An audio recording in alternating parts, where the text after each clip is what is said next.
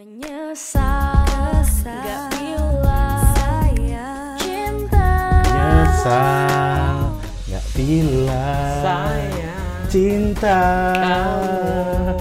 Padahal aku sayang Anda ya, selamat datang di podcast bergumam bersama saya Yusril Pareza dan juga rekan saya Bayern Barcelona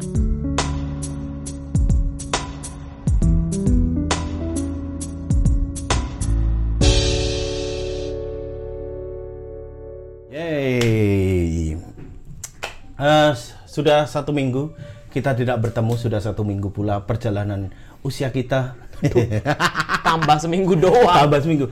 Di episode kali ini sebenarnya tadinya kita eh, akan membahas sesuatu yang sedang marak di timeline dan di eh, media sosial belakangan dan Iya. juga di dia di Indonesia. Ya lah. awalnya dari sosmed terus akhirnya jadi trending nasional Bener. Tadinya di episode kali ini kita akan membahas tentang film Tilik ya. Dan dengan mendatangkan sutradaranya dan para kreatornya sih sebenarnya. Karena Yang karena kebetulan ternyata Yusril kenal juga Iya, dia- mereka ini adalah eh, adik angkatanku di eh, dulu di klub sinema komunikasi. Hmm. UMY dulu. UMY, UMY. Ya, si Coach lah, Iya. Agung, Agung Prasetyo ini. Tapi ternyata Tapi eh, ternyata- Jadwal tidak memungkinkan Bener, karena tadinya saya udah bikin ini Bon, bikin janji dari eh, tangga dari hari kapan itulah pokoknya Ah. dua hari setelah marak tuh aku bikin janji eh, sama si Agung ini, Hmm. gimana kalau kita eh, dat, apa eh, berkolaborasi Iya, gitu. karena kita ngerasa irisannya lumayan banyak nih Bener, dan beberapa juga ada yang sempet Iya, ada yang mention ke kita. Iya, ha. request untuk membahas tilik gitu. Heeh. Ya, eh, semoga saja datang kesempatan itu Betul, betul. untuk kita eh, berdiskusi bersama kreatornya bagaimana eh, apa ya kemarin sih kita pengennya tuh adalah bagaimana mereka menanggapi tentang kritik segala macam Iya. itu sih. Dan meskipun kalau nanti dirasa sudah bukan hot topic lagi, tapi intinya kita bahas yang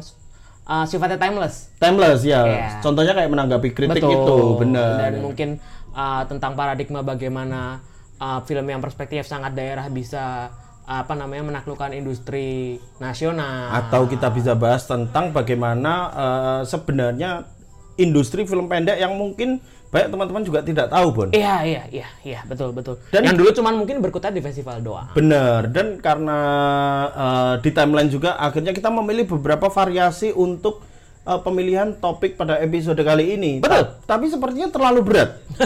terlalu berat sekali. Ya, eh, timeline kita akhir-akhir ini itu terlalu berat oleh Semua berantem. semua berantem. Semua marah-marah. Wacana feminisme. Kritik terhadap film. Kritik atas kritik. kritik atas orang yang mengkritik adalah sebuah kritik. Hmm. Lalu ada Seorang selebritis muda yang seorang selebritis muda yang apa eh, apa ya eh, sempat kesandung masalah karena uh, apa namanya videonya yang videonya tidak sengaja tersebar. bener tidak sengaja kepencet untuk disebar Iya. gitu kan. Terus eh, ada lagi adalah satu yang berat itu adalah keputusan Messi meninggalkan Barcelona. Itu berat sekali. Itu Ini ini, ini waktu- sepertinya berat sekali gitu Waktu loh. podcast ini di take, jadi Ah. sehari tadi malam kan ramenya di di timeline kan Ah, 11 subuh 12 ya, malam jam- itu. jam 11. Saya nge-troll orang nih, avatarnya saya ganti pakai logonya Barca kan. Ah. Nge-tweetnya pakai bahasa Spanyol. Padahal nge-tweetnya tuh cuman bilang Messi adalah pemain Barca. Cuman karena pakai bahasa Spanyol kan, jadi akhirnya bule-bule itu pada ada orang Spanyol yang jawab Si, si, si, gracias Leo. Opo kicep baci. Udah gitu karena kamu ini akunnya tercentang biru, iya, Bon. tapi nggak bertahan lama karena ada temen yang ngingetin awas ntar uh, kena semprit Twitter karena impersonate kan. Oh, impersonate dikiranya akun bodong ya. Betul. Bukan akun bodong, dikiranya akun yang berusaha untuk impersonate speech? bukan Enggak ya? bukan mengimpersonate Barcelona FC. Oh, Kayak gitu. seakan-akan Palsu. seolah-olah heeh. Oh, Jadi iya, iya. eh, takutnya nanti kalau ada nge-report terus akhirnya eh, avatarnya aku ganti lagi. Takutnya kalau cuma centangnya hilang sih nggak masalah sih. Kalau akunnya hilang itu, wah, Hmm. Wah, sedih bro. harus memulai dari awal lagi. Betul. Harus Harus nge-tweet nge-tweet cinta lagi. harus memulai nge-tweet eh, nge-troll menteri lagi. Aduh. Debat sama Sujiwo Tejo lagi. Aduh. Banyak juga ini skandalmu di Twitter nih. Banyak juga ya ternyata ya. Jangan bro. Jurus-jurusmu untuk menggait perempuan dan follower-followermu untuk ajakan masak makan siang segala macam itu memang Enggak, enggak, enggak. Enggak ya? Enggak, enggak. Dan karena di timeline ini kita sudah melihat hal-hal yang, Yang berat, berat, uh, kita sengaja untuk membuat sesuatu yang ringan. Iya, membahas kapas. Wah, enggak dong. Membahas tentang bagaimana suap terhadap Joko Driono. Lebih berat lagi.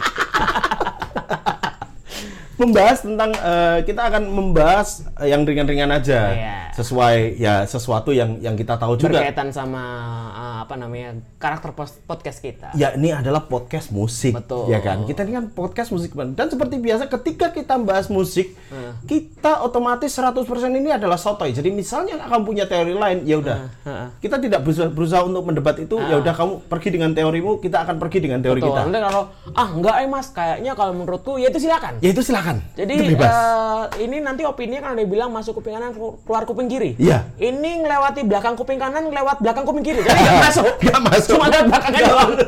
Tidak kita dengarkan. Tidak kita dengarkan. Dan kita sangat men- kita karena kita meyakini bahwa demokrasi itu adalah eh, sesuatu yang menjunjung tinggi kebebasan berpendapat. Betul. Jadi kita juga menjunjung tinggi kebebasan untuk menerima tanggapan pe- pendapat itu. Iya. Kita memilih untuk tidak menerimanya itu. menerima sih, cuma kita baca aja, cuma kita tidak berusaha untuk untuk apa ya, mengkonfrontasi.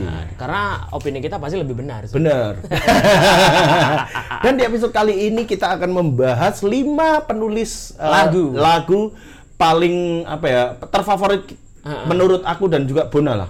Ini lebih ke liriknya mungkin ya. Lirik, ya? le- lebih ke lirik. Lima penulis lirik. Lima penulis lirik favorit lah. Karena ada yang pecinta lagu tapi ternyata untuk penulisan lirik eh, dia tidak sejago itu. Benar. Ada kayak misalnya ada eh, kayak komposer yang bener cuma musik doang, tapi departemen liriknya yang ngerjain orang lain. Sorry, eh, untuk kategori itu kayaknya kita bisa bisa membahas di episode Betul, itu di episode lagi. lain ya, karena kita yang di sini adalah penulis, lirik ya. Dari segi penulisan tuh kita suka banget itu loh Iya, terhadap diksi-diksi yang digunakan. Lebih terhadap- spesifiknya lagi mungkin Indonesia ya. Indonesia, kita kerucutkan lagi Indonesia karena kita tidak mau apa ya? Musik kita terjajah oleh musisi barat. benar sekali dan juga kita tidak mau pusing-pusing karena ya udahlah di episode kali ini kita refreshing aja Iya. gitu loh, refreshing dengan mendengarkan. Dan ini adalah lima penulis eh, lirik favorit Barcelona Brian dan juga Yusril Fariza.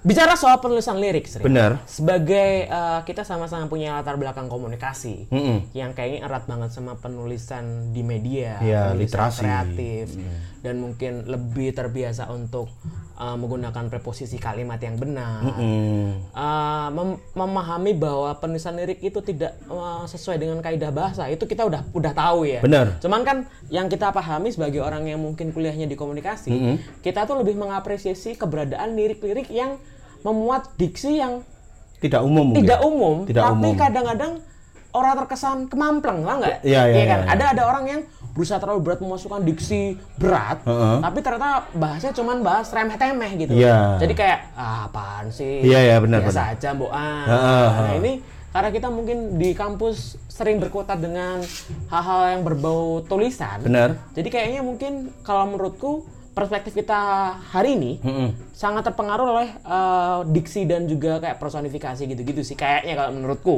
Dan ini juga bisa dikaitkan dengan eh, yang marak belakangan ketika Hmm. eh, salah se- salah seorang pengguna akun Twitter dosenku sendiri Ah. Mas Budi Hermanto Ah.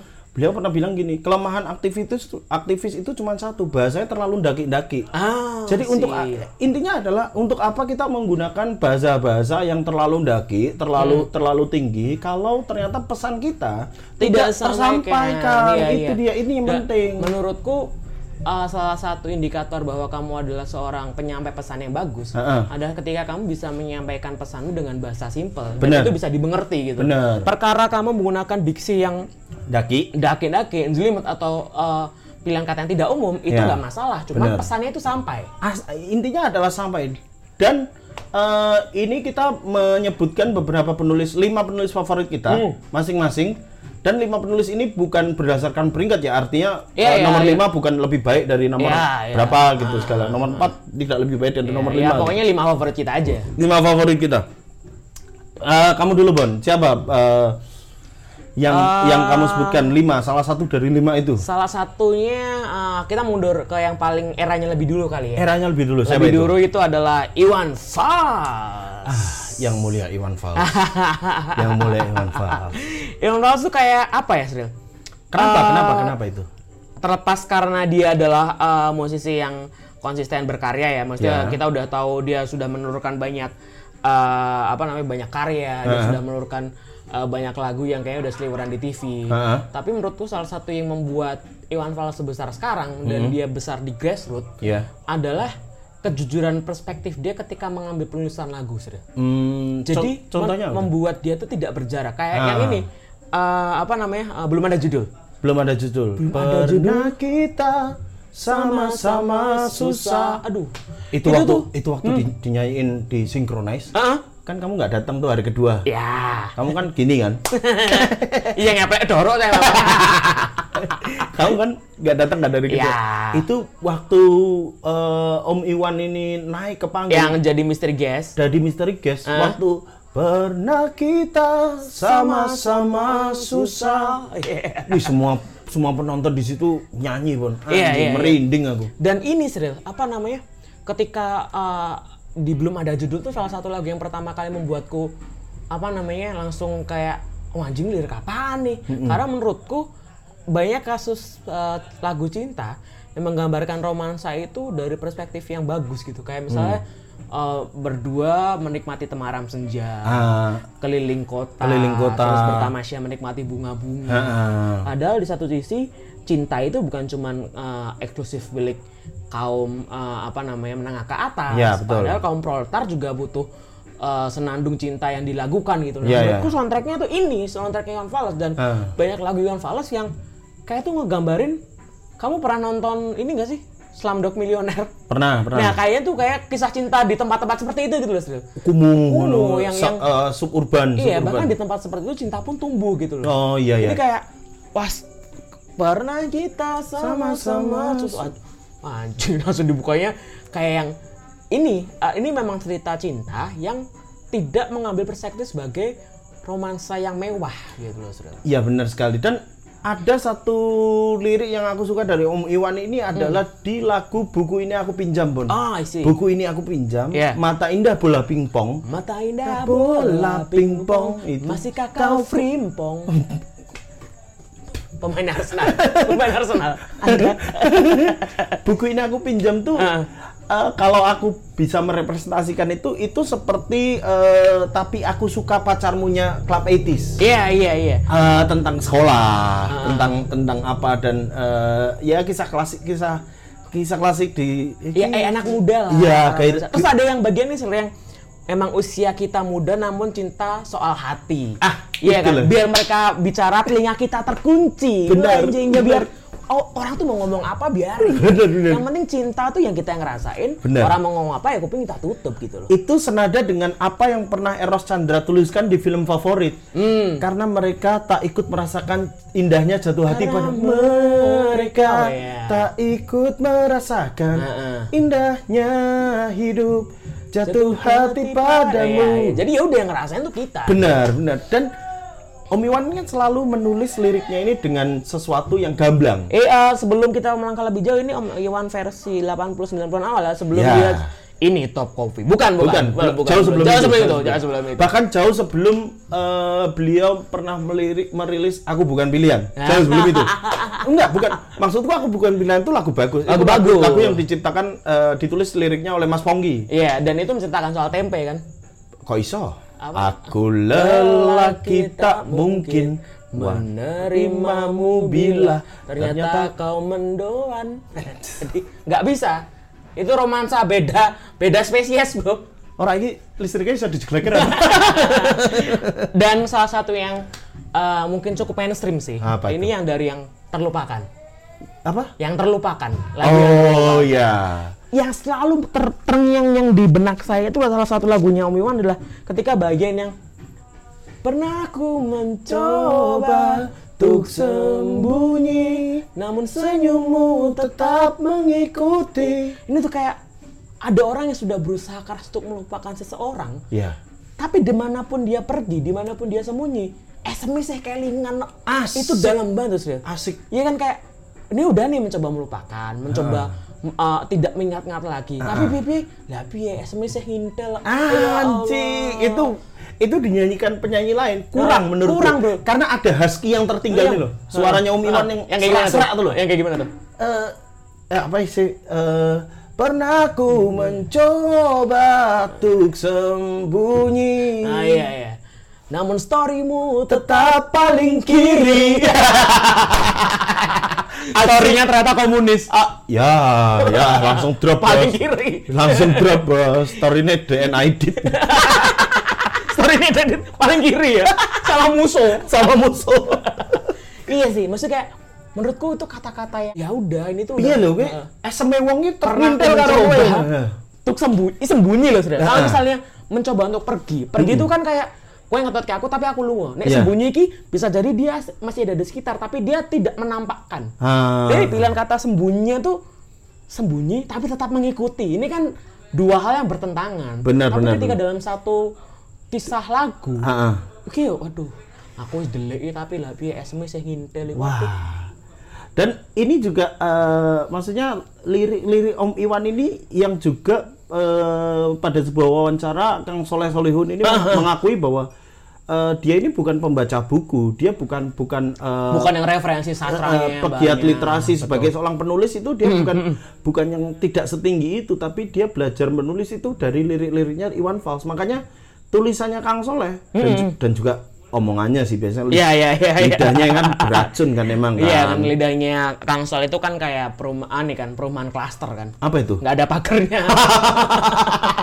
Tabrak aja tabrak sebenarnya. sebenarnya Iya. itu memang gamblang gitu Dan ini serius, salah satu yang mungkin eh, eh, yang salah satu fenomenal juga adalah ketika dia ngomongin ibu kan.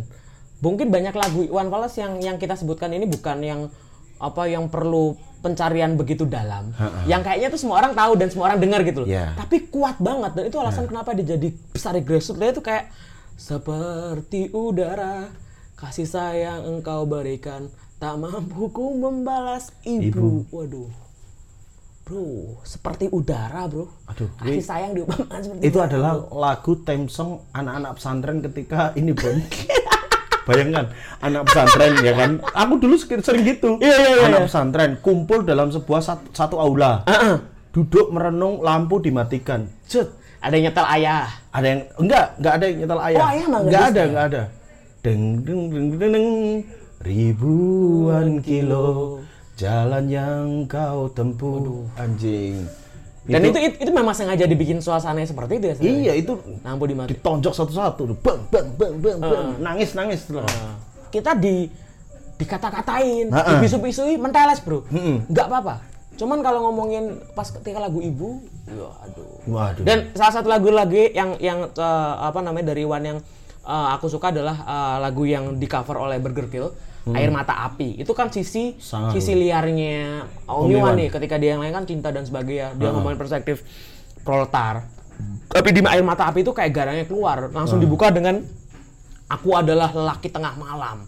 Ayahku harimau, ibuku ular. Waduh. sobangar itu Siluman kan memang. Jadi itu ketika dibawain, aku jujur taunya malah dari Burger Kill duluan hmm. ketika Burger Kill ngebawain lagu yang uh, pop atau berkolaborasi dia kan pernah sama Fadli Padi kan Iya. di tiga titik hitam itu kan. Terus ngover lagu Iwan Fals berarti lagu Iwan Fals itu emang udah diakui keren nih sama benar, benar. Makanya aku tracking ke belakang ya emang aslinya emang keren gitu. Loh dan menurutku sampai sekarang belum ada eh, sosok pengganti Iwan Fals. Sekalipun Iya. misal ada orang yang beberapa penulis yang misal Jason Ranti ya ada lagi yang karakter itu namanya Budi Cilok ada ada Oh, beneran iya, ada ada iya. beneran soalnya persis Ah, ah. cuman nggak nggak tergantikan Enggak, enggak, enggak tergantung. Dan jangan lupa bahwa Om Iwan ini juga tidak hanya sekadar eh, menulis lirik cinta, lirik-lirik terhadap eh, kritik, politiknya juga Kritik-kritik. banyak kan. Ya, Iya, itu- ya, itu ya, juga ya. banyak. tapi yang yang aku kagumi ya itu lirik yang bagaimana mengemas cinta dengan perspektif jujur dulu. Jujur, itu jujur, tuh jujur. itu itu point of view yang mahal sih Mahal untuk untuk ya Om Iwannya lanang banget loh. iya iya Representasi lirik sing lanang ngono kuwi lho. Heeh, nek nyebut apa jatuh cinta ramenya menye tadi nangis apa Iwan Fals Iwan Fals.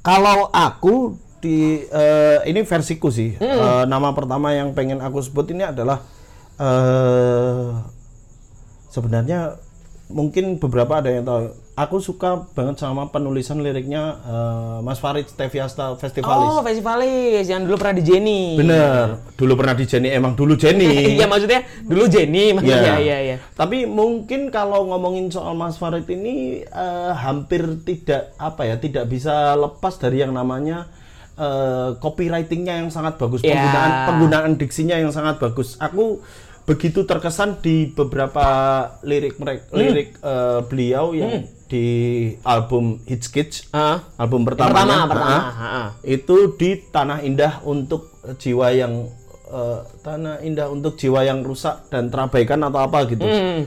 Itu dari zaman beliau nulis lirik itu, maksudnya dari zaman demonya, Iya. itu aku udah jatuh cinta sama liriknya. Karena eh ku bangun mesinnya dari logam senjatamu yang menyayat-nyayat, ku merangkai sayapnya dari sampah serapahmu yang menampak. Ini mungkin akan berbeda apa ya eh, pemaknaannya dengan apa yang dimaksudkan Mas Farid, tapi aku melihatnya sebagai ini adalah lirik seseorang yang mencoba untuk bangkit dari dari keterpurukan. Iya. dari dari sesuatu yang merusak dia gitu Iya. loh yang tadinya dia sudah merencanakan begitu besar sebuah kendaraannya untuk untuk maju untuk melesat tapi ternyata hancur di tengah jalan dan dan eh, dan apa ya kayak kayak ya wes iki, iki aku iso aku tetap iso ngadeg karo sikil-sikilku. Aku tetap iso ngadeg karo opo sing aku yakini bener. Ya aku tetap iso ngadeg dan aku akan dan aku ngerasa bahwa aku ini dewean kok ingin iki. Aku ini tetap tetap akan menjadi eh, seseorang yang bisa menjadi wakil atas orang-orang kayak aku. Iya iya. Dan menurutku uh, musiknya Festivalis juga uh, dari apa namanya uh, tema-tema besarnya menurutku salah satunya itu memang tema yang tentang soal struggling, Struggling. tentang Tentang- menantang dunia. Benar tentang apa ya eh, intinya apa ya ini aku pernah pernah me- terlibat dalam wawancara itu Heeh. eh intinya lirik-lirik dari album Hits Kids ini adalah lirik-lirik tentang eh apa ya kayak anti kefanaan ngono gitu. Ah, ya ya. Anti kefanaan duniawi di eh, lagu mereka yang eh apa mari mari kencingi batu nisan kuburnya. Hmm. Sejauh mata memandang. Iya, kalau orang tahu tuh langsung "Oh, mari kita kencingi batu kuburnya itu kayak Ih, kui apik i- banget iya, gitu. iya, iya. Kalau orang orang biasa itu kayak lirik macam apa ini? Iya. Penyembahan setan macam apa ini? Iya, iya, iya, benar. Dan Mas Farid ini kan eh, dia memang terkenal sebagai salah seorang copywriter yang aku juga mengamini tulisan-tulisannya ya kayak kayak Tulisan-tulisannya. eh, bekerja dan ini ya demi keringat demi keluarganya, Keluarganya Pak Pak Bos. Bos. Terus Kal- eh, Kalimat-kalimat singkat yang menohok. eh, eh, born pay the bill pay the bill pay the bill and die gitu. Itu kan sesuatu yang dikorek itu ya. Bener, yang dikorek yang di yang di mana pun. Hmm. Dia pernah menulis di Taman Senopati apa taman taman di Jakarta? Bandung. eh, apa bukan Taman Senopati Jakarta? Oh, yang coba Bandung ah. dia Ah, pernah Jakarta. nulis itu di cermin apa di cerminan cermin jalan itu dia Ah. nulis kurangi apa perbanyak ngaca kurangi ngece. Wah. Perbanyak ngaca, kurangi ngece. Kurangi ngece dan yang satu lagi yang aku suka itu adalah eh, berbeda-beda namun tetap musuhan jua. Wih, tohok bro, wih bro. Ya kayak kayaknya nggak semua orang tuh harus bersatu deh. Kalau musuhan ya udah. Hmm. ya apa-apa. musuhan wae gitu Iya, ya iya, wis iya. musuhan wae dan ya wis apik banget ya itu sih aku Mas Farid nih kowe selanjutnya siapa pun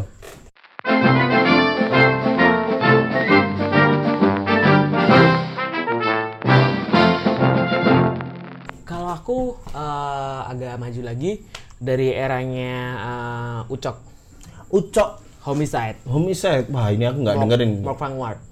Mark Slash Ward. Oh. Atau Harris Trisna kalau nggak salah nama aslinya. oh jenenge Mas Heri toh Tapi apa ya? kenapa kamu suka Bon Eh, menurutku ada banyak lirik lagu eh, yang bertemakan perlawanan Mm-mm. itu berhenti di lirik. Ada yang Ah. berhenti di lagu, ada yang berhenti di sekedar eh, sela- eh, seremonial doang. Mm-mm.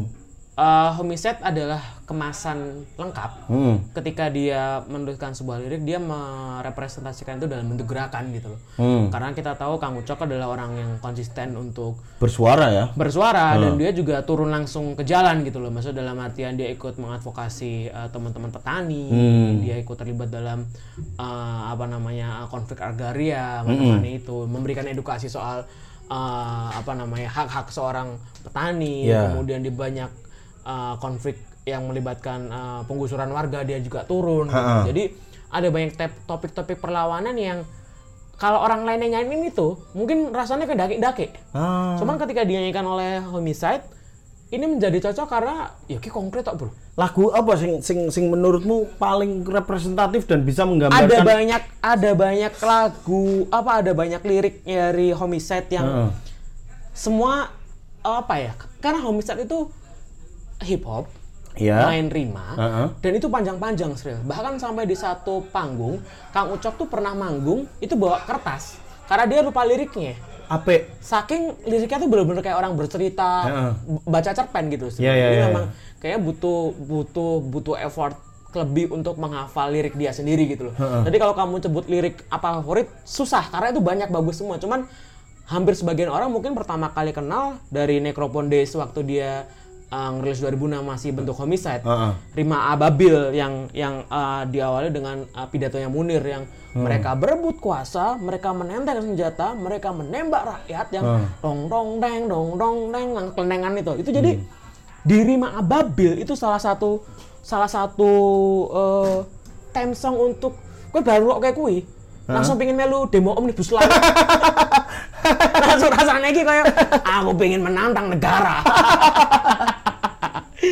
Tapi eh, aku satu-satunya eh, sorry, Eh. aku karena tidak pernah mendengarkan homicide ya karena eh, dari segi hip hop pun aku tidak banyak terlalu banyak mengikuti tapi satu lirik yang pernah aku eh, satu satu la- eh, alunan dari Mas siapa Eh, Ucok ya Nah, U- Ucok, Kang Ucok. Kang Ucok Nah. ini adalah pada saat beliau berkolaborasi dengan aduh lali aku Airport Radio Oh, Oke. Airport Radio di lagu Jalur Gaza itu seolah-olah merangkum segala cerita kisah seribu satu malam dalam satu lirik lagu. Wih janji kok iso ya?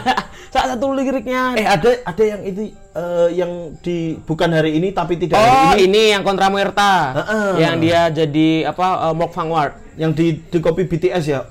Enggak deh, ah, di BTS ada lagunya Not Today. Oh, ada, Not ada, Today. ada.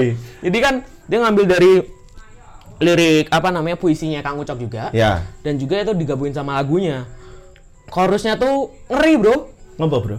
Bagian chorusnya tuh kayak bakar birama macam Pramudia bakar sampah, kaki jejak tanah kepala menengadah. Aku kayak wah anjing Pramudia Nur bukunya dibakar dengan sampah. Terus kayak apa ya dia tuh main rima yang membuat hip hop tuh kayak naik level gitu loh. Karena bukan cuman yang ada salah satu eh, eh, penyanyi so called hip hop yang dulu youtubers bikin lagu dulu gue punya office sekarang eh dulu gue jadi Boy- office boy, boy office sekarang boy, gue punya office. office boy ya apa sih bangsat bangsat aku mbok iso nggak rima esok-esok tuku bolu kelingan sendino amarga semua gara-gara ngono kita bro Ora bro. iso bro Ora bro, lirikmu kampungan bro. Kuwi lah apik office boy, sekarang gua punya office boy. Yo, Ya, maksudku- di sini tangga. Tangga. Aduh. Aduh, bos non sewu, non sewu. Ora peduli tatomu sepiro tapi non sewu lirikmu kurang, bos. Li- aku sing ngerti hip hop ngerti nek lagumu ira enak. jadi kayak hip hop itu kan uh, sebetulnya tentang bagaimana kamu bercerita uh, dalam bentuk beat yang cepat kan juga Benar. ada banyak yang dirapatkan beatnya Ya. kan. dan cara untuk merapatkan beat itu kan salah satu cara untuk menarik atensi dengan cara bikin rima kan Ah. kalau rimamu ya cuma sekedar AB-AB doang ya bener sih cuman Hmm. level level rima itu kan ada yang level intermediate ada yang Ah. ada yang beginner ada yang udah profesional ada yang Hmm. nah kayak ucok tuh udah bikin standar untuk level hip hop underground itu Hmm. semakin tinggi karena menurutku nggak sekedar menempatkan rima tapi menempatkan ada maknanya di situ gitu loh Hmm. salah satunya tuh ketika dia bilang yang di kontra Muerta jadi Mok Vanguard itu Heeh. yang puisi di bagian akhirnya bilang kita bisa percaya bahwa kanker kekalahan menempel pada paru-paru takdir serupa nikotin. Wah, pada akhirnya akan ada waktu berpetualang berakhir, tapi tidak hari ini. Itu yang, Wah. yang tapi tidak hari ini itu kayak jadi Berkat- highlight iya. lagunya itu. Ini menceritakan uh, seorang kawan yang dulu juga vokalisnya Jeruji itu kena kanker. Mm-mm. Uh, kemudian itu dia bilang bahwa kita bisa uh, gelap pasti akan datang tapi tidak hari ini tidak Ya. hari ini yang berulang kali itu kayak suatu saat kowe iso nyerah tapi aja saiki gitu. Benar. Dan itu juga yang beberapa kali di Mulyadi di- ya? Bukan, eh, iya dikatakan Mulyadi, tapi si Gigi Adiguna Ah. sering mengganti lirik itu dengan akan datang hari di mana eh, humor tidak lagi lucu tapi tidak hari ini. Ih keren. Ah, iya iya iya. Keren, Jadi keren, memang menurutku kok apa? Lirik yang hebat itu adalah lirik yang bisa membuatmu menempatkan lirik itu di berbagai kondisi sih. Benar, benar, benar. Jadi kayak eh, situasional yang memang bukan cuman cocok di perjuangan lawan agraria, bukan cuman melawan konflik, melawan kekerasan aparat, tapi Ya. ternyata di hal sepele kayak eh, bagaimana memperjuangkan supaya komedi tetap hidup ternyata relevan juga. Relevan, bisa bisa relevan. Dan menurutku uh, mungkin ada banyak generasi pendengar bergumam yang mungkin uh, uh, di atas kita, yang Ya. yang jauh lebih muda. Jadi uh, mungkin tidak mengalami masa di mana Homicide masih aktif karena Homicide tuh waktunya cuma sebentar doang. 2000 la- uh, setelah Insurrection tuh bubar dia. Terus akhirnya uh, Kang Ucok bikin solo gitu. Tapi Homicide itu menurutku salah satu unit terbaik yang belum pernah aku lihat di Indonesia gitu. Jadi menurutku teman-teman yang uh, generasi sekarang kalau belum pernah dengar Homicide, coba dengerin Homicide. Hmm, ya ya ya ya. Sempatkan untuk gi- apa lirik-lirik bergizi. Iya, kalau kalau hanya hanya cuman menyerap liriknya nggak apa-apa sih. Maksudnya aku aku tidak terlalu into terhadap hip hop gitu. Iya, iya. Itu. Kalau kamu Sril, Apa? uh, uh, tokoh kedua, kalau saya tadi kan Iwan Fals dan Ah. Ucok Homicide, kamu punya siapa?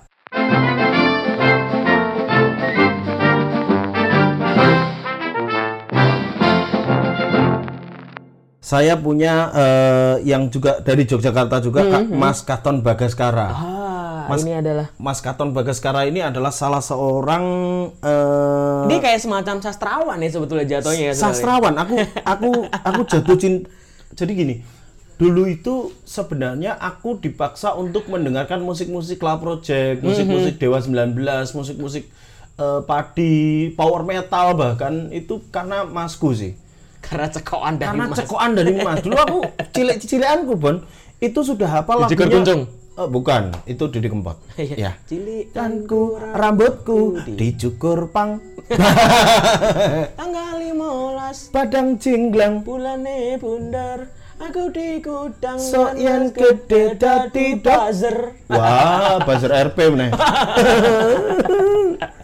Jadi dulu itu eh aku Katon Bagaskara Katon Bagaskara uh, di uh, Project La Project ya eh di project di di, Club Project. Club Project maupun di eh, ini Bon. Eh, di Solonya. solonya sendiri gitu. Jadi dulu itu eh aku pertama kali denger Club Project itu tahun 9 sekitar 97 98 di album di Dekade itu. Heeh. itu eh, kui- ada satu lagu yang yang membuatku jatuh cinta sama eh, Club Project yaitu aku aku kalau Club Project itu ingatnya cuman apa namanya ingatnya cuman pas i- yang lagu terkenal sisi ruang batinku hampa rindukan aku pertama kali jatuh cinta sama Club Project itu di lirik romansa. Kalau kalau kamu tahu ingat nolangsa Sa- menenggusup Nah, itu loh. oh Susah loh itu. tak bisa kelain hati. itu di di lirik depannya lebih bagus lagi pun. Heeh. Merah bulan merah jambu. luruh di kotamu. Bulan merah jambu. Bulan merah jambu Aduh. loh bos. Kuwi pemaknaannya apa? Ah bulan merah jambu. Bulan merah jambu. Apa apa apa apa sesuatu yang bisa di mungkin lambang hati ya mungkin ya Iya, mungkin. iya, iya. bulan merah jambu luruh di kotamu. Ku ayun sendiri langkah-langkah sepi. Aduh. aduh. Bulan merah jambu tuh langsung ya Allah nggak semua orang kepikiran diksi itu. Bener itu tak bisa kelain hati terus mencari kembaranmu di waktu lalu. Itu nah aku merepresentasikannya memaknainya dengan bahwa dia eh, alih-alih eh, beliau ini menggunakan diksi eh, mencari kenangan beliau menggantinya dengan mencari bayanganmu di masa lalu. Ini kayak kenangan bos tapi tapi dia- dengan pemilihan kata yang lebih ini. Bener, ya memang itu adalah lirik-lirik, kata-kata yang bisa dihasilkan mungkin dalam keadaan tidak sadar ya. Ya. mungkin maksudnya tahu sendiri ya, mungkin tahun segitu tahun ya segitu loh ya. tahun kalau cuma minum doang sih kayaknya nggak secerdas itu sih Bro, gue mengganti sebuah diksi kenangan dengan sesuatu yang kembaranmu di masa lalu, wes wes iya. sesuatu nilai untuk mengeksegreti sangat Nah. sangat tinggi ngono loh gitu. kau jadikan untuk Sebuah lagu yang terpenting di awan tentang negeri. tentang negeri di awan Yana. di mana kedamaian menjadi istana yang kui ora bro. Kui kui ora bro. Kui kui pasti dalam keadaan tidak santai.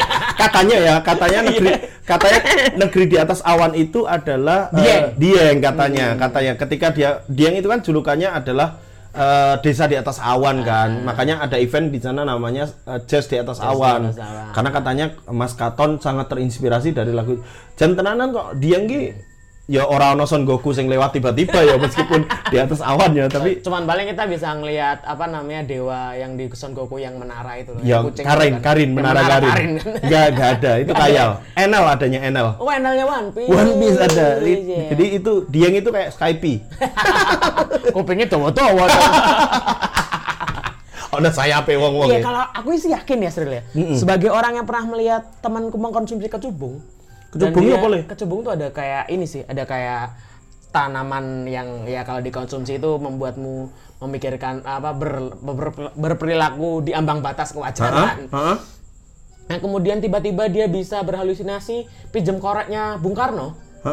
Saya sih sepertinya yakin bahwa penggunaan diksi di atas awan, terus kemudian eh, terwujud keinginan yang tidak apa, yang tak pernah terwujud, Yang tak pernah terwujud. bulan merah jambu, bulan merah jam itu sepertinya ya, kayaknya Ya. tidak diciptakan dalam keadaan yang ba- baik-baik saja sepertinya. dan lirik eh, yang jenius dari ad- ada banyak lirik yang jenius dari dari Club Project ya Hmm. tapi satu yang pasti diingat oleh banyak orang itu adalah eh, sebuah apa ya namanya ya setelah ref itu apa sesuatu yang setelah Chorus. ref chorus ya Hmm. di chorus eh, lagu terpurukku di sini yang di mana dia menggunakan eh, lirik adalah kau tuangkan cinta ke dalam tungku yang tengah panas menyala.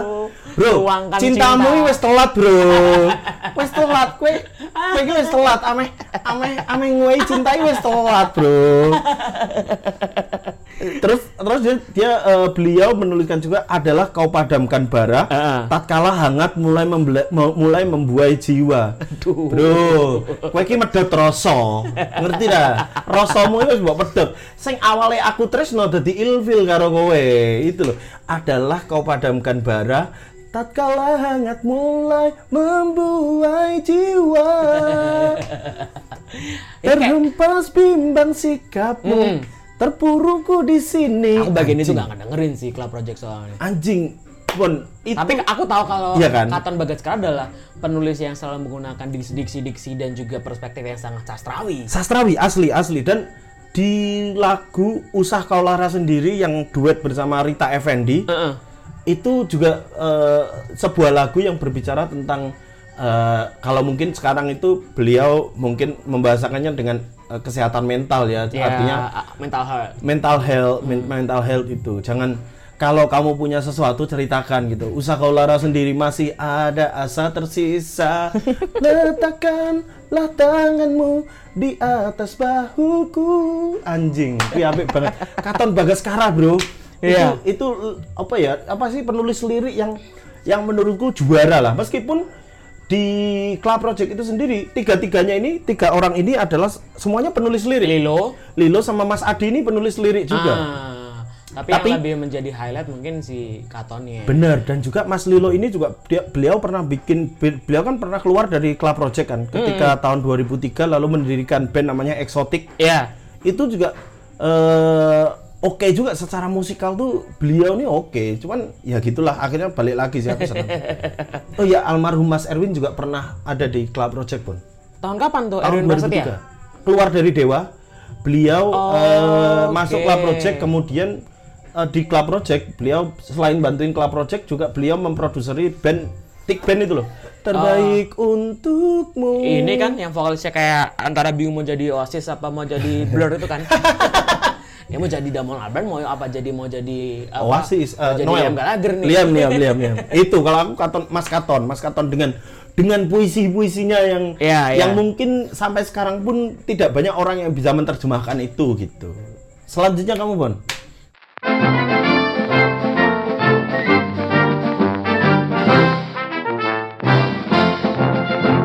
Kalau selanjutnya dari aku, ah tadi dari tadi kita banyak membahas tentang ah, penggunaan diksi, penggunaan personifikasi, Ya. penggunaan majas.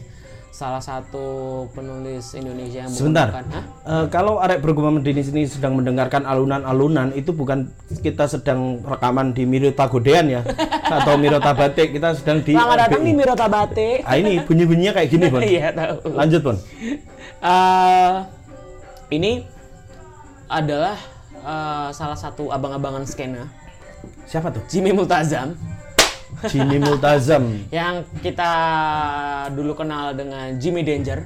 Jimmy Danger Ada atau kita punya dia punya unit Jimmy Jazz. Jimmy Jazz, Bandnya lagi ada Be Quiet, Be Quiet, ada The Upstairs, The Upstairs, ada Morfem, terus ada lagi ya banyak lah dia tuh pojokannya banyak. Boy. banyak-banyak. Secara aku kan pernah pernah melihat si eh, Om Jimmy ini di eh, Gofar kan. Ah. Anjing ketika dia nyebutin band-band yang dia menjadikan referensi untuk bikin proyekan, anjing nggak ada yang tahu aku bangsa. Ah, Terus aku receh banget, jancuk aku selama ini ngopo ya. Iya iya. Aku beneran suka ngedengerin ngobrol juga kan. Emang, emang salah satu caraku untuk menambah referensi di era yang tidak aku eh, lewati, era 80-an adalah salah satunya dari orang-orang itu gitu loh. Nah. Kayak dulu kan eh, mungkin aku taunya eh, David Bowie apa David Bowie adalah inspirasi terbesarnya si Jimmy Multazam karena Ya. dia pernah nyeritain soal Mars tapi ternyata jauh ke dalam itu dia dengerin banyak banget tuh Banyak dengerin banget Blind dia. Melon, terus dengerin Asli. The Cure, dengerin apa New Order, itu itu yang aku tahu yang sepele-sepelenya, tapi yang lebih dalam lagi aku juga nggak tahu dia banyak banget dengerinnya. oke banget, cuk. Iya. Bajian, bajian. Dan apa namanya salah satu yang aku kagumi selain karena musiknya adalah eh, semua terekam tak pernah mati. Lagunya. Semua terekam. Ya, salah satu yang paling mungkin banyak lagu yang kita sebutin di sini Iya. itu bukan lagu yang oh ternyata ternyata ngono, tapi banyak yang lagu yang cukup mainstream di kuping yang sering banyak orang denger tapi mungkin pemaknaannya tidak kita sadar karena nggak nggak eh, menelusuri liriknya secara lebih dalam gitu loh. Iya, iya, iya. Terekam tak pernah mati kan salah satu hitnya eh, di Upstairs yang cukup mencuri perhatian ketika dia ngerilis album Apa sih itu? Apa sih judul albumnya itu? Eh, Ini bukan sih eh, yang buka tutup botol itu bukan sih? Iya, apa sih judul energi? Energi. energi, energi, energi di 2006 itu kan, yang video klipnya warna-warni itu.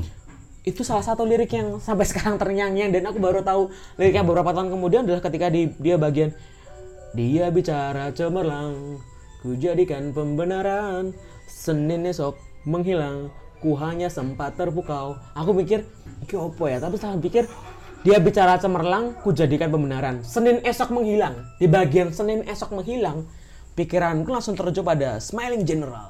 32 tahun. Betul. Oh ya. Untuk apa kamu bertanya seperti itu? Ah, siapa yang nyuruh? Iya, dia bicara cemerlang selalu dijadikan pembenaran. Dia kan orang-orang orang yang dikemas media sebagai orang yang kalau ngomong apa aja tuh benar. Iya. Tidak bisa salah. Ketika orang lain berusaha untuk uh, mengarguing uh, statement dia, Iya. nggak apa-apa nih. Senin esok. Seninnya ditemukan nih. Nendi, apa nih? Kok apa nih? ngambang nih? Oh, kok ngambang nih? Kok Apa nih? ngambang nih? Apa nih? Kok ngambang tapi bukan tai nih? Iya. Kok ngambang tangannya dua, kakinya dua. Itu nah ya? itu jadi aku baru tahu bahwa itu adalah salah satu lirik yang menuliskan orde baru dengan tersirat dan itu begitu rapi gitu loh.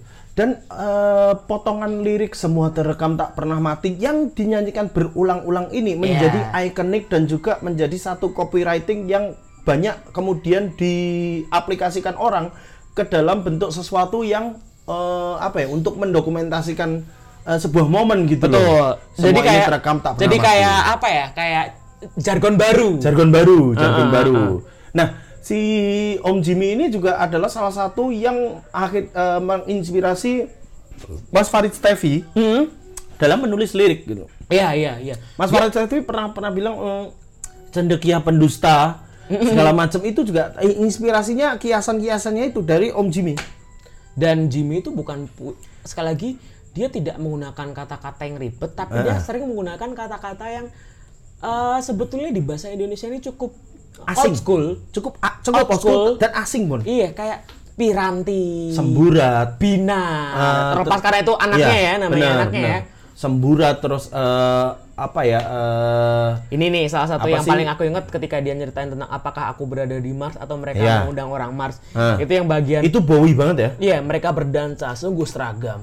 tetabuhan tetabuhan purbakala telah Tetabuhan. dilistrikan. Tetabuhan purbakala. Tetabuhan purbakala telah dilistrikan. Itu kan ceritanya adalah uh, Jimmy itu masuk ke salah satu pub ngedengerin kayak musik disco yang alah ini tuh apa lagu-lagunya itu dari instrumen instrumen dulu gitu loh instrumen kayak bass biasa terus uh, apa namanya uh, apa lagu uh, gitar klasik biasa terus kemudian di bagian uh, itu dia masukin dalam bentuk uh, musik elektronik gitu loh Iya, iya. jadi jadi diubahlah tetabuhan purbakala telah dilistrikan. Nah, kenapa dia bilang di Mars? Karena waktu itu dia ditanya, dia nggak bisa tuh menikmati suasana disco yang kayak gitu.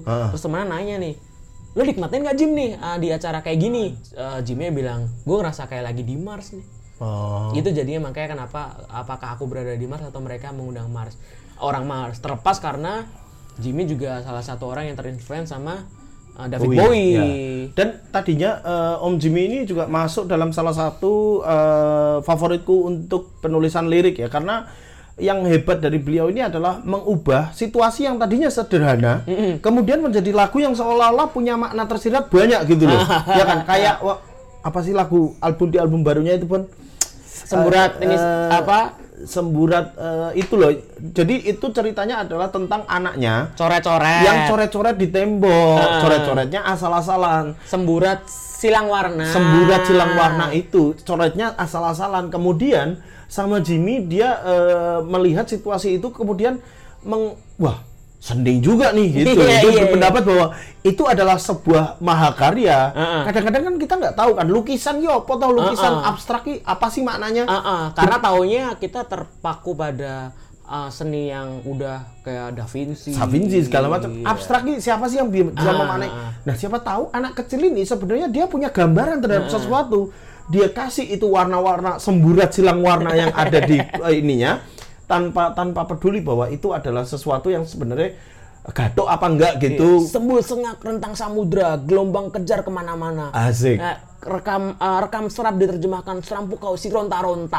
asik asik itu itu bahasanya itu bahasanya sebenarnya bahasa yang eh, jarang ya digunakan Iya ya iya dan salah satu keberhasilan eh, Jimmy adalah salah satunya menggambarkan situasi yang kayaknya tuh eh, hal yang remeh-temeh tapi dikemas dengan yang apa ya eh, storytellingnya bagus. Iya. Di Matraman kan langsung dibuka dengan demi trotoar dan debu yang berterbangan. Asli, Ku bersumpah demi celurit, mistar dan batu terbang pelajar kuungkapkan. Itu menceritakan Matraman kan dekat perbatasan Bro. Manggarai, Matra, Pramuka. matra, matraman ki emang terasa begitu, Bu. Iya. Entah entah karena waktu itu aku jauh jauh sebelum aku pernah datang ke Matraman sendiri eh, kemudian mendengarkan itu atau memang lirik itu kemudian membuat eh, apa ya asumsi di kepalaku bahwa Matraman ini ya ladang tandus sing sing akeh premane sih memang. trotoar dan debu yang berterbangan. itu kan dijadikan dijadikan satu sumpah ya seolah-olah Iya, iya. demi apa demi apa demi gitu.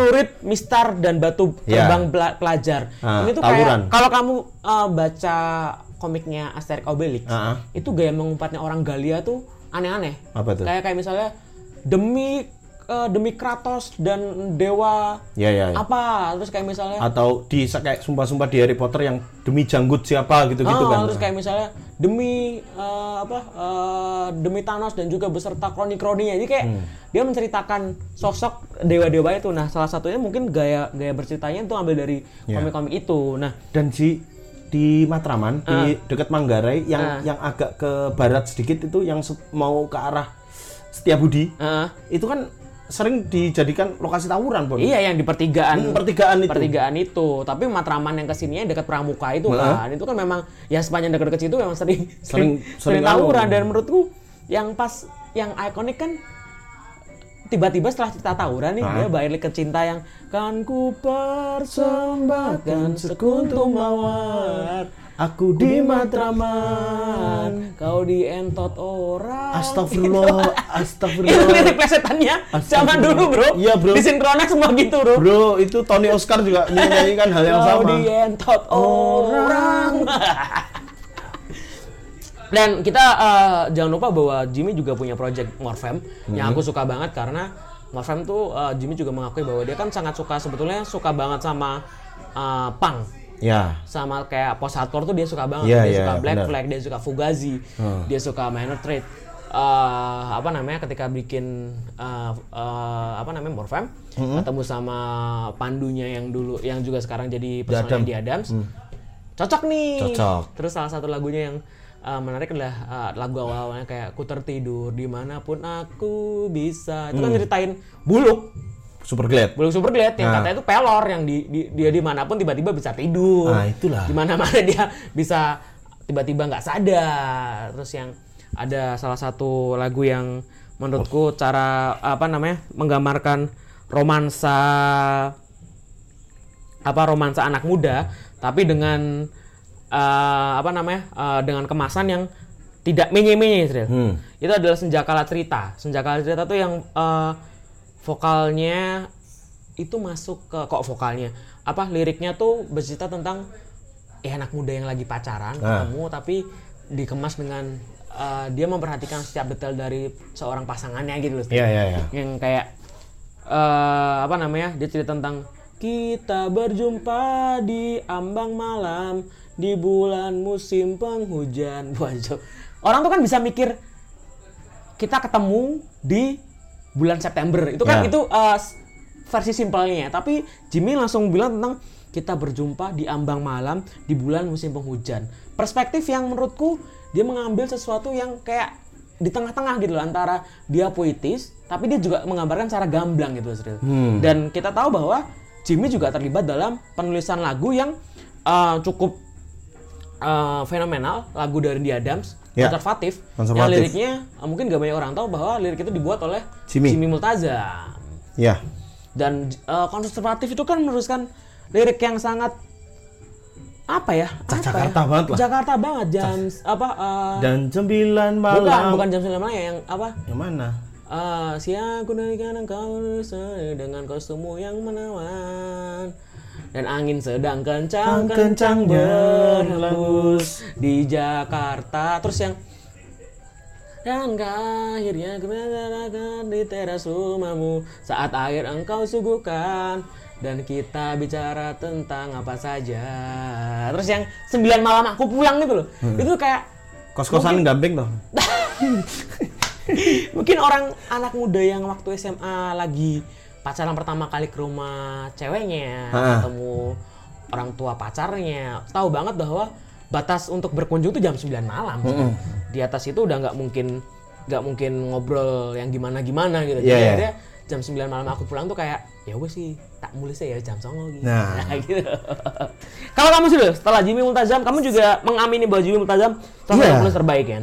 Eh, kalau kalau tadi Jimmy Multazam itu di bagian eh, apa ya kayak cutting edge gitu. Iya, iya, Yang iya. ini ma- eh, mainstreamnya Lebih ini- mainstream. Yang lebih mainstream ini aku menjagokan Tulus sebagai salah seorang penulis lirik terbaik Indonesia lah. Waduh. Dia solois penulis lirik Itu termasuk generasi baru ya? benar generasi baru dan kalau eh, inian soal apa soal eh, penulisan lirik dari Tulus yang paling aku suka itu adalah Bunga Tidur.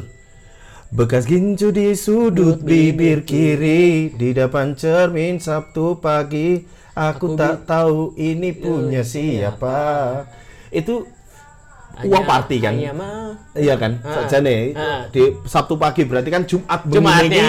Jumat begini seperti kita tahu di- Mabora nih. di Jakarta ketika Jumat malam itu adalah saat orang spending money. Mabora nih. Aku aku begitu datang ke Jakarta kemudian eh, sama teman-temanku yang kerja juga di beberapa eh, stasiun televisi swasta kemudian eh, dia Kita ngomong ketemu Jumat aja nih. Eh, eh, kita ketemu Jumat aja gitu di di adalah salah satu tempat gitu kan di eh, Radal gitu radio dalam Dari gitu. Garden kan? Terus eh, begitu begitu sampai sana eh, temanku ini bilang ya ginilah Sril eh, orang-orang Jakarta tuh seminggu mereka kerja Jumatnya. Jumatnya ya udah gini mereka maunya senang-senang ya iya sih kalau orang punya punya uang sih pasti akan senang-senang sih di Jumat gitu bunga tidur aku nggak tahu nggak tahu ini ya nggak tahu Pemaknaannya. seperti apa ya tapi Mimpi kali.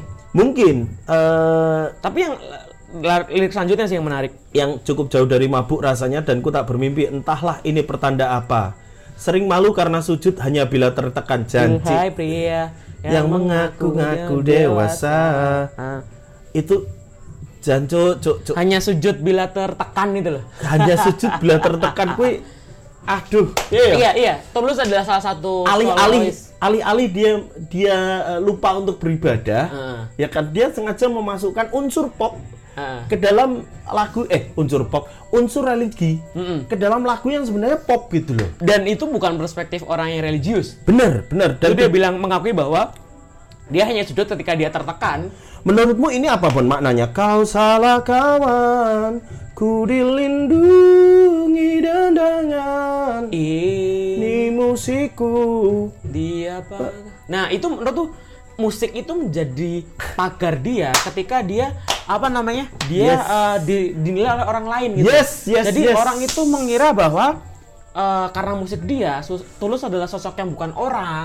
Tulus adalah orang yang seperti superstar. Jadi musik itu menjadi batas penghalang orang untuk menilai Tulus sebagai orang biasa. Ya Tulus tuh bisa jadi kayak orang biasa aja Yes, gitu. itu dia. Dan kamu tahu selanjutnya setelah setelah eh, selain bunga tidur, Tulus ini juga menggambarkan betapa eh, me- kemudian aku me- menjadikan dia sebagai salah seorang lirik lirik lirikis apa sih? Eh, penulis lirik terbaik itu di lagu Tukar Jiwa nggak atau Ruang Sendiri. Orang sendiri sih. Ruang se- Cuk, bayang kayak aku punya teman ya. Nah. Temannya sepermainan. Heeh. Di mana ada dia selalu ada aku. Dia Aku amat aman kan. Dan juga baik hati kan. Bukan, itu lagunya Ratu. Ini ruang sendiri ini adalah Wong ki kadang-kadang nek yang-yangan ki lali pun bahwasanya ketika mereka eh, menjadi sepasang kekasih, Heeh. kemudian mereka lupa bahwa Ketemu terus. ada sisi di mana mereka ini harus juga Ya urip dhewe bos. ini dewe gitu loh, ya Ora kan? terus jangan dino nemplek. Nemplek ngono kuwi. Ya kita sebagai pasangan ya pasangan. Kita menghargai komitmen ya menghargai komitmen, tapi kita juga tidak tidak boleh lupa di mana kita ini punya hidup masing-masing sebelum kita menjadi pasangan. Iya. Iya dong. Sebelum kita menjadi pasangan ini kita adalah seorang insan yang juga punya circle pertemanan. Betul. Yang juga punya circle eh, kerjaan segala macam. Yang masing-masing ini patut diberi porsi gitu loh. Iya. Ruang sendiri ini adalah eh, kegelisahan seseorang yang ketika esok aku ketemu kue. So ketemu kowe, awan makan siang ketemu kowe. Kowe sore nyenja bareng. Hah, nyenja. Bengi, Bengi? ah, bengi mangan makan makan malam bareng. Makan malam bareng. Larut malam tidur bareng. Enggak sih. Ya kalau zina, Ya. masa nggak boleh zina? ya nggak boleh. Ya, udah nggak boleh. sama warga sama Iya kayak 24 ha- 24 24 jam iya 24 jam dalam tujuh hari kowe mendedikasikan waktumu ki bahkan ketika tinggo yangmu bahkan ketika LDR ada banyak yang screenshot yang anak-anak sekarang di Twitter tuh yang nggak tahu lagi nih sampai kuping panas ngomongin apa. Dia WhatsApp call 20 jam ya Bajingan, Allah. bajingan. aku tahu teleponan nganti rong jam yang ngerasa nganti wis bingung ngomong kayak apa meneh. Ah benar benar benar ngomong benar satu setengah jam sama orang di telepon aja sama yang udah kamu udah ngantuk toh? Ya ngantuk ya cuman ya udah kamu ng- ngomong aja terus. Jadi kayak apa ya dua jam itu aja udah aku ngerasa enough sih kalau dua Benar, jam. benar. dua puluh jam nih 24 kamu ngomong kayak apa bos? Kayak anu toh ngomong ke perekonomian dunia. Ngomongin tentang harga minyak ning Libya apa kowe apa kowe ngomong ke soal eh sopo pembunuh Munir kok ora rambung-rambung gitu itu dan ya. dan itu di ruang sendiri. Ada lagi nggak yang pengen anu Ya, di ruang, ruang sendiri, sendiri aku juga cukup, cukup menolak itu kan albumnya dari yang eh, bukan yang gajah kan apa namanya? Ah ya itu monokrom. Monokrom. Kayaknya ya yang kayaknya. langsung dibuka dengan beri aku kesempatan. Jangan datang terus. Terus. Jangan datang terus ya gitu saya bagian kayaknya apa tuh bisa nih wey alih-alih dia menggriseni uang. Pagi melihatmu. Menjelang siang kau tahu aku ada di mana? Sore. Sorry mas. Jadi kayak ini sih dia bagian yang eh, kita butuh ruang. Terus saya bilang apa namanya kita tetap butuh ruang sendiri-sendiri untuk tetap menghargai rasanya sepi. Aku setuju banget karena mungkin romansa anak muda waktu belasan tahun ya yang kayak, Heeh.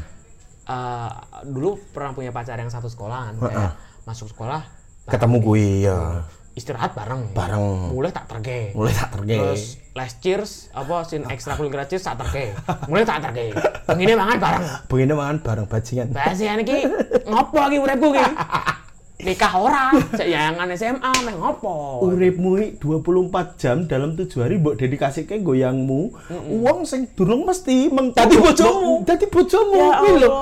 Kowe ngopo ngono lho menginvestasikan hari-harimu sebesar kuwi. Ya sama dione wae. Sama dia nih wae lah gitu. Jadi Ora arane yang hilang. dan juga eh, Kecuali yang mu munir ya, mungkin hilang. apakah dengan dengan ketemu dengan ketemu 24 jam dalam tujuh hari itu apakah masih ada makna dari aku kangen kamu nih Iya, orang akhirnya bos kita tidak bisa menghargai sepi. benar. itu bos orang Poinnya akhirnya adalah itu. bener poinnya adalah itu dan juga di lagu tukar jiwa ini adalah lagu tentang bagaimana tulus ini pengen menunjukkan rasa yang dia miliki tapi tidak bisa dikatakan Nah. Waduh.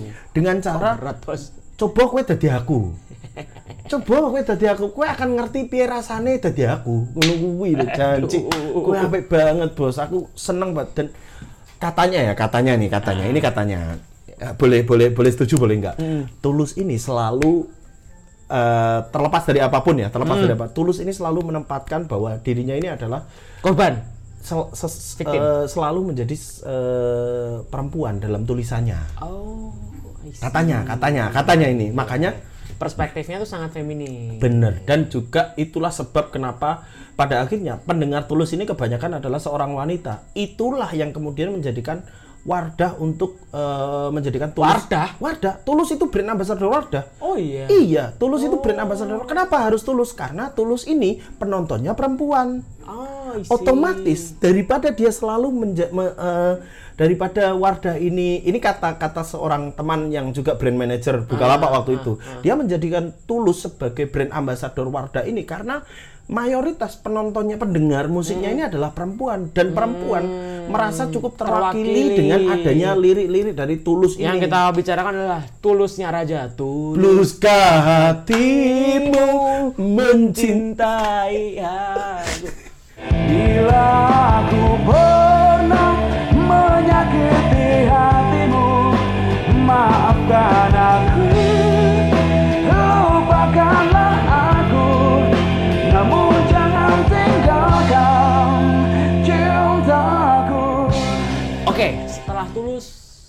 siapa lagi nih, Sir? kamu noh. Oh iya, kalau dari saya tidak mungkin tidak Nama terakhir kan kita ini. kita sepakat kan. Kita nama terakhir sepakat. kan sebelum nama terakhir kita sebelum nama terakhir kita sepakat loh ini. Ah, Oh, sebelum nama terakhir kita masing-masing.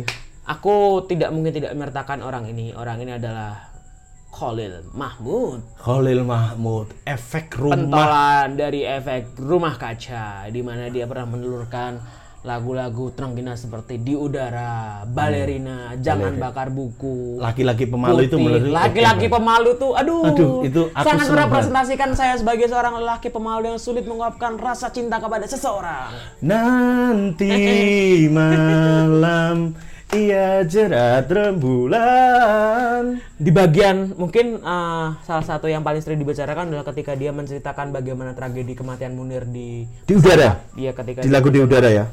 Ku bisa tenggelam di lautan. Aku bisa diracun di udara. Wah gila. Aku bisa terbunuh di trotoar jalan. Tapi- Ya, itu aduh. Aku tak pernah. Itu itu adalah eh, satu-satunya lagu efek rumah kaca yang ada di Happy Papi. Oh iya Ini serius. Nek kue searching nih Happy Papi itu adalah satu-satunya efek rumah kaca yang ada di situ. Ada lagi kayak eh, Desember aku juga suka tuh Eh ini yang sama bara suara tuh apa judulnya eh, sebelah mata sebelah Kok, mata kok sama bara suara sih? yang di ini Oh, yang- from the corner Oh sama SFTC. Eh sebelah mataku tuh kan menceritakan si Adrian ya Trian sakit apa Glukoma. sih? Glukoma kan sampai penglihatan mataku penglihatan matanya udah berkurang. Benar. Nah, yang bilang "Eh, sebelah mataku yang yang sanggup melihat gelap adalah ceria warna-warna mempesona Gelap adalah sebuah warna mempesona. lirik lirik efek rumah kaca yang paling kamu Dan suka apa diabetes terus adalah lirik efek RK yang proses. yang kamu suka apa Dan yang paling kayak yang paling aku suka pasar bisa diciptakan. anjing aku jangan jangan apa Jangan bakar buku. bukan banyak asap di sana Oh, banyak asap di sana. asap di deng deng deng deng deng deng. Iya. Pasar bisa cipta ciptakan tuh kayak ini sih. Eh karena menurutku, oh sama satu lagi, jatuh cinta itu biasa saja. jatuh cinta itu biasa saja di album kamar gelap ya Kamar gelap. atau self title loh kamar gelap ya Eh, jatuh cinta itu self title Self-title kayaknya. ya? Biasa saja. Ya kayak ya wes tuh kabeh iki ngrasake Sajane jatuh cinta biasa wae. biasa wae ora ora semewah sing mbok omong-omong Nek ada yang lebih nek ada yang melebih-lebihkan itu tugasnya Wira sama Firsa Besari. betul aku kan dengi pernah nul aku nulis kan dengi Ah. apa jadi pas kejagung kebakaran gitu Heeh. kejagung terbakar karena api cemburu dipadamkan oleh air mata terus ono sing komen Mas ra cocok mas aku oh iya sih cocok mau Wira jadi memang emang udah Wira yang kayak gitu tuh Wira udah Jatuh cinta, Hmm, jatuh cinta, luka, patah luka, hati. Ya, patah itu tu- hati, tugasnya berdamai Wira. dengan kenangan, Tapi- berdamai dengan jarak. Tapi Sel- Wira soal- selalu ada pedih di antara alah alah alah. dan Bung Firsa juga eh, apa namanya eh, membuat lagu yang eh, segala hatu yang pelik. Bisa diringankan dengan Iya, peluk. pelik dengan peluk. Ah, Wah, kayak gitu. Kalau Wira tuh lebih ke ya kayak gitu-gitu. Emo, emo dia. Emo, Emo, dia, emo. Senang- Padahal senang ini- referensi mas, lagu dia nggak ada yang masuk loh, bro. Wira itu eh, kelebihannya adalah mendramatisir luka. Membebalkan perih gitu loh. salah satu yang jatuh cinta biasa aja tuh eh, biasa saja itu yang paling langsung dibuka dengan kita berdua hanya berpegangan tangan. Tak perlu berpelukan. Ya wes teman-teman biasa wae Teman-teman biasa. kita ya. berdua hanya saling bercerita. Tak perlu aku memuji aku sorry. Aku pengen nih ngerasa jatuh cinta kayak ngono kuwi. Ya. maksudnya ngerasa kayak yang tidak pakai syahwat ya. Anjing jatuh cinta yang tidak pakai syahwat iya yang jatuh cinta ya wes kue kue yang samping gue aku bisa tenang kok ngono kuwi lho Bon Iya, iya. ya kalau kalau aku sih mikirnya eh, eh, glorifikasi soal cinta yang terlalu berlebihan tuh kayak mental di lagu ini gitu. Benar, ya. Ya benar. pegangan tangan doang nggak perlu berpelukan, ba- saling bercerita nggak perlu saling memuji, terus kayak eh, nggak pernah mengucapkan maaf tapi saling mengerti. Jadi kayak jatuh cinta itu biasa wae, ya Biasa biasa, wae Biasa lah orang orang sing piye-piye anu dan eh, seiring berjalan waktu eh, spiritualitas Efek Rumah Kaca juga semakin meningkat kan. Ya. Ketika salah satu di puncaknya adalah ketika di album apa namanya di album yang namanya warna sinestesia ya. Sinestesia dia menulis putih itu putih aku nggak pernah tahu ada orang yang bisa li- tahlilan Heeh. sebagai lirik.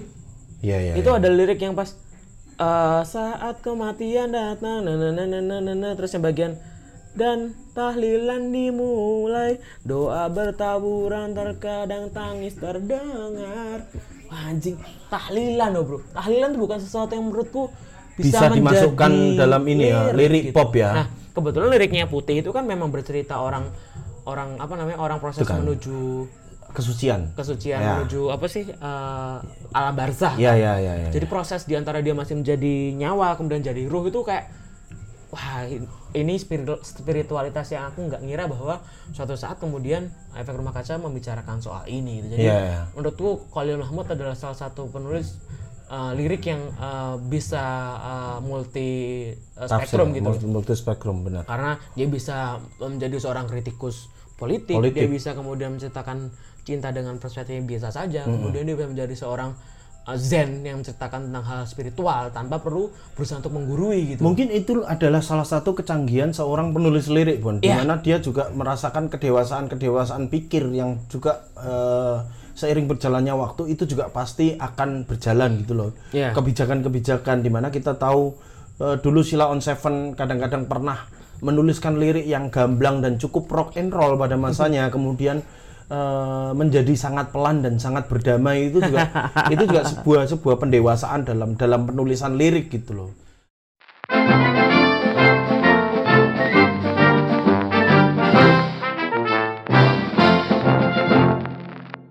Kalau aku selanjutnya ini adalah mungkin sudah pernah kita bahas dan eh, Banyak sih kalau ini orangnya nih. ya ini adalah ini adalah sesuatu eh, yang eh, harus Benar, kita track uh, kita highlight lagi berarti. Ya. Kalau dari aku uh, Iwan Fals, Iwan Fals uh, Jimmy Multazam dan juga uh, Khalil Mahmud. Ah. Eh sama satu lagi siapa? tadi Morgu Vanguard itu Uh, Ucok Mok Vanguard, uh, Ya. Ucok. Kalau aku tadi sudah eh, Faris Tevi, yang kedua adalah Katon Bagaskara, Mas Katon, yang ketiga adalah Tulus, yang keempat ini adalah Ahmad Dhani.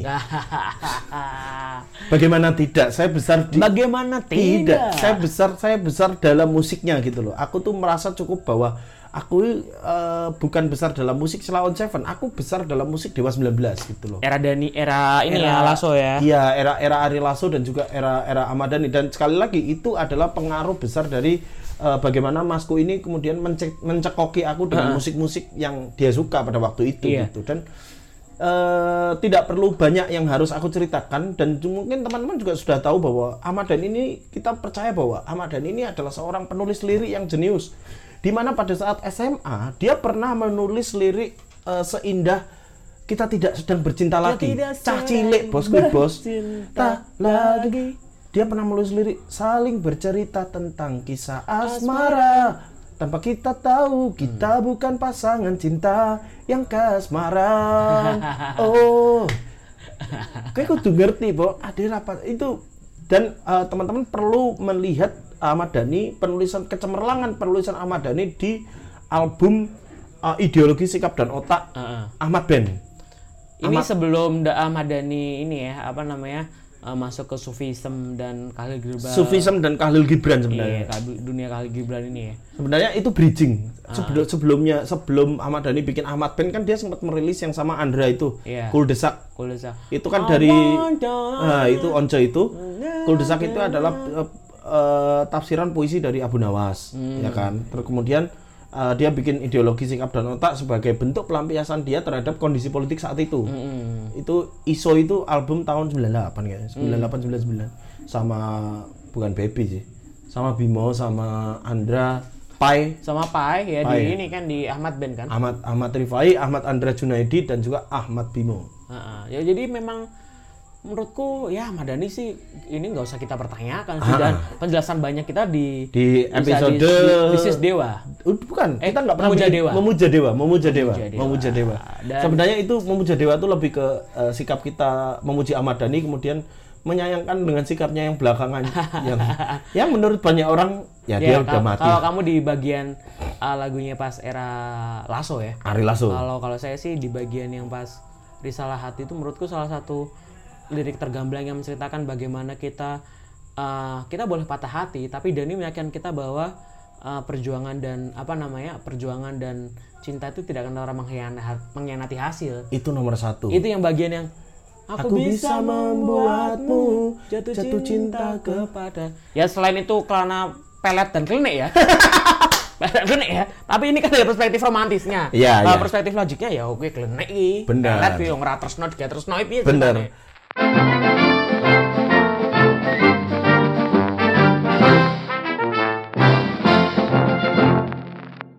Dan di dan di eh, nama terakhir Hmm. eh, kita semua sepakat ini. Tadinya aku pengen pengennya itu Bon. Beda. Bon kita kita menulis lima lima penulis lirik yang eh, yang tanpa orang ini ya gitu. Jadi lima tapi tanpa orang ini karena Nggak bisa. kita berdua sepakat untuk bahwa orang ini nih harusnya memang memang ada di di di lima favorit gitu.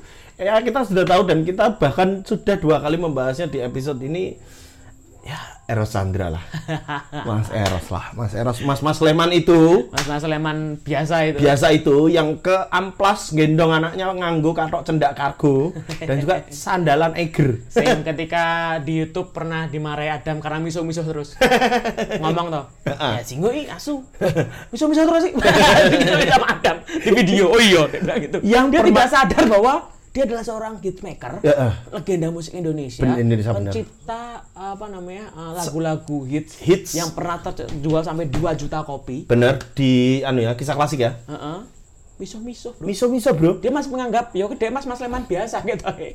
Dan dari dari eh, dari pertama beliau muncul Hmm. sampai sekarang pun berapa kali kita melihat beliau tetap pada statement yang sama kita nih.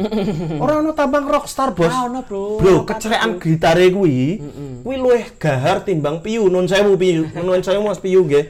Tapi kuwi kecerekane iki luwih apik dan sone iki luwih beragam. Iya dan berulang kali eh, Eros juga selalu bilang bahwa kalau Eros itu nggak tahu asis, terus dia nggak tahu apa namanya yang nyanyi I stay awake just to hear you breathe. Eh, ya apa namanya? Eh, Aerosmith. Aerosmith. Nggak tahu Aerosmith, terus nggak tahu asis.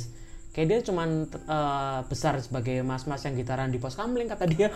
Dia bilang gitu. Dia bilang gitu. Kita aku jadi mas-mas gitar biasa ono mas? Di Kalau- ya di luar di luar itu di luar dari tampang bahwa salah satu yang mungkin eh, menjadi menjadi ini ya menjadi highlight di 2020 yang eh, sayang sekali karena pandemi ini tidak sempat terdengar adalah beliau menuliskan lagu untuk eh, Muktamar Muhammadiyah ke 40 Oh yang iya. harusnya yang harusnya di Solo. Ah, yang harusnya di Surakarta kemarin April ya. Harusnya di situ untuk di lagunya Bon sila banget asli. Oh, apa ya? Asli lagunya sila nanti banget. saya googling apa judul lagunya? Eh, aduh lali aku kayak bro anda kan dari Muhammadiyah loh bro aku dikirimin aku Dikirimin dikirimin dia. lagu deh dikirim lagu deh sama jaket sama jaket membangun Indonesia apa gitu loh yang bikin Aseros Mas Eros sama Mas Dwiki, Dwiki Darmawan, Dwiki Darmawan. Eh, musiknya Mas Eros, liriknya kayaknya Mas Dwiki sama Mas Eros kayaknya, Iya, kayaknya iya, ya. Dan dia kan alumni MUHI kan, MUHI Jogja. oh Kauman Mu- bukan MUHI Muhammadiyah satu kau Jogja.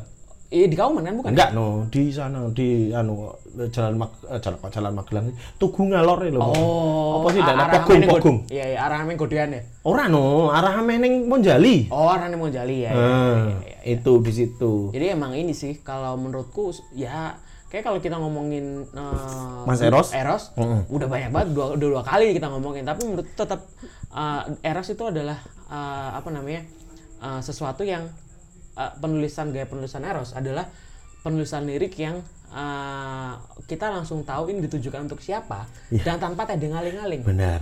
kan kita pernah bahas bahwa kalau misalnya kita nonton Sheila kita tahu nih eh, pria kesepian kayak apa namanya eh, bapak-bapak tuh Bapak-bapak, cinta ah, anakmu itu kan tahu bahwa ya tujuin buat bapaknya pacarnya gitu. Benar. kalau kalau Peter Pan itu kan sedikit mengawang nih maksudnya kaki di kepala kepala, Kepala di iki apa ki maksudnya ki Ah, iya. nah di levelnya lagi atas lagi adalah padi Padi. padi yang kita opo ki maksudnya gini ngawang nah kalau Sheila tuh balik lagi ke penulisan liriknya Mas Eros kata oh, oh pengen rasa digowo deh. Medeni. kayak Kena ndasmu. kayak, penulisannya adalah eh, ini loh orang tahu bahwa itu ditujukan buat siapa Heeh. secara gamblang dan kemudian Ceritanya apa? kita merasa terwakili Bener. ketika kita berada di situasi itu gitu. Kayak misalnya kita lagi jauh dan kita uh, mengunjungi seseorang kita cinta, terus kita tiba-tiba pengen uh, membuat statement bahwa aku ira pengen lungo, kita bisa benarkan seandainya. Heeh. Seandainya. Wis tau, aku isa jenenge ra pengen, tapi piye meneh iki kondisi. Dan itu tadi kita kembali pada apa yang menjadi statement kita di eh, menit-menit awal podcast ini bahwa eh, kelemahan seorang aktivis itu adalah eh, penulisannya yang daki-daki gitu loh. Eros dan gaya penulisan yang seperti itu menyampaikan bahwa ora penting bahasa puitismu iki ora penting. Sing penting ki wong iso nangkep ora kuwi maksudmu ki apa. Karepe ki opo? Karepe iki, Bro, kau kemasi kasih sayangmu, Bro. Kemasi Si kasih sayang. sayangmu. Wih, sakjane wong ki, oh iki puitis. Tapi sakjane wong ki ngerti bahwa jancuk kok iso ya wong ki me- menempatkan kasih sayang itu sebagai sebuah mungkin kaleng atau benda bekas gitu Iya, loh. iya. Yang ketika kita sudah selesai menggunakannya, wes dikemasi wae, tinggal lungo gitu loh. Seolah-olah memperlakukan kasih sayang sebagai sebuah subjek benda. subjek benda. Maka itulah jen- kejeniusan bahwa kita semua memiliki representasi untuk itu gitu. Iya, Tidak ada pemaknaan lain. tidak ada pemaknaan lain dan kayak misalnya di satu sisi kita bercerita tentang uh, apa namanya uh, yang lugas kayak Hmm. kesombongan di masa muda yang, Yang indah. ya memang cah nomi memang pada masa itu memang merasa bahwa dunia iki kabeh gunanku. Iya kok. aku ora peduli kowe emeh ngopo Heeh. cah nomi memang ngerasa aku iso kabeh apa eh, hormon ini memang membuncah kok Iya. Dan ya. kemudian ketika dia menciptakan lagu untuk selain Sheila kayak misalnya uh, jangan takut akan gelap Iya. terus bendera Bendera Ah, dia juga pernah mem- memuja Wajib. memuja Luna Maya di lagu Luna Kelamku. ya Krisya, Krisya, Iya, yang nyanyi. Krisya. Ya, Luna Kelamku. ini sih menurutku gaya bercerita dia aku menurutku masih menganggap bahwa jangan takut akan gelapnya Tasya Ya. yang kemudian dinyanyikan oleh ber- bersama Tasya Duta dan diiringi musiknya Eros itu salah satu lagu anak-anak yang terbaik gitu loh karena liriknya tuh bener-bener gamblang Berdoalah mengingatkan supaya anak-anak tuh berdoa sebelum kita tidur. Kemudian tapi ada ada sedikit apa ya perspektif dewasa yang yang sedikit filosofis yang kayak jangan takut akan gelap karena gelap melindungi dari kita dari kelelahan. Ah. Terus, berdoalah sebelum kita tidur jangan lupa cuci kaki tanganmu. Jangan lupa doakan mama papa kita. Nah itu kayak itu menurutku salah satu lagu yang mengiringi masa kecilku dan kemudian sampai berapa tahun kemudian lagu itu aku menganggap bahwa ini everlasting. Benar. Dan eh, itulah tadi kelima penulis lirik eh, favorit kita. Memang banyak sekali, termasuk eh, aku juga punya be- beberapa list yang tidak bisa Iya, saya sebutkan karena mungkin Eh tapi kok penulis liriknya cowok semua sih? kayak tidak ada cewek Eh ya. Anda mendukung patriarki? Anda menurutmu cewek nggak bisa menulis lirik yang Emang bagus? Kamu nggak setuju dengan pola-pola feminisme? Wah, ini sih eh, patriarki banget nih. Ini menganggap bahwa perempuan hanya sebagai objek dalam lirik nih. Ah, emang lir- cewek itu nggak bisa nulis lirik kayak cowok-cowok yang kamu sebutin tadi? Ternyata podcast bergumam gagal memberi edukasi bahwa perempuan itu bukan cuma sebagai objek, Ah, dasar orang-orang daerah penuh budaya patriarki. seperti di film favoritmu kasih sudah mendengarkan podcast bergumam di episode eh di di menit kesekian. Jangan lupa untuk uh, share kalau kalian punya penulis uh, penulis lirik yang juga menjadi favorit Iya. kalian yang belum kita sebutkan. Silakan tulis di kolom komentar sambil juga membagi link Dan uh, uh, ketika nanti sudah tayang, uh, kita sedang membuat project di mana kita berkolaborasi cerita lagi sih. Bener? Yang tidak uh, apa namanya tidak membahas sesuatu yang berat lagi. Benar. Kita membahas tentang edisi nostalgia kita tentang rental PS. Bener. PS. Sebenarnya lebih general pun boleh. Kalau teman-teman di sini punya pengalaman atau cerita pernah eh, Tentang PS. tentang tentang PS maupun game konsol lain gitu, boleh kirimkan ceritanya ke podcastbergumam@gmail.com. Iya, nanti kita ketika podcast tayang nanti kita akan uh, posternya akan berbeda. Benar, benar. Terima kasih eh, sekian dulu. Eh, mohon maaf bila ada salah-salah kata. Saya Juru Fariza. Semoga baru Ciao Bella.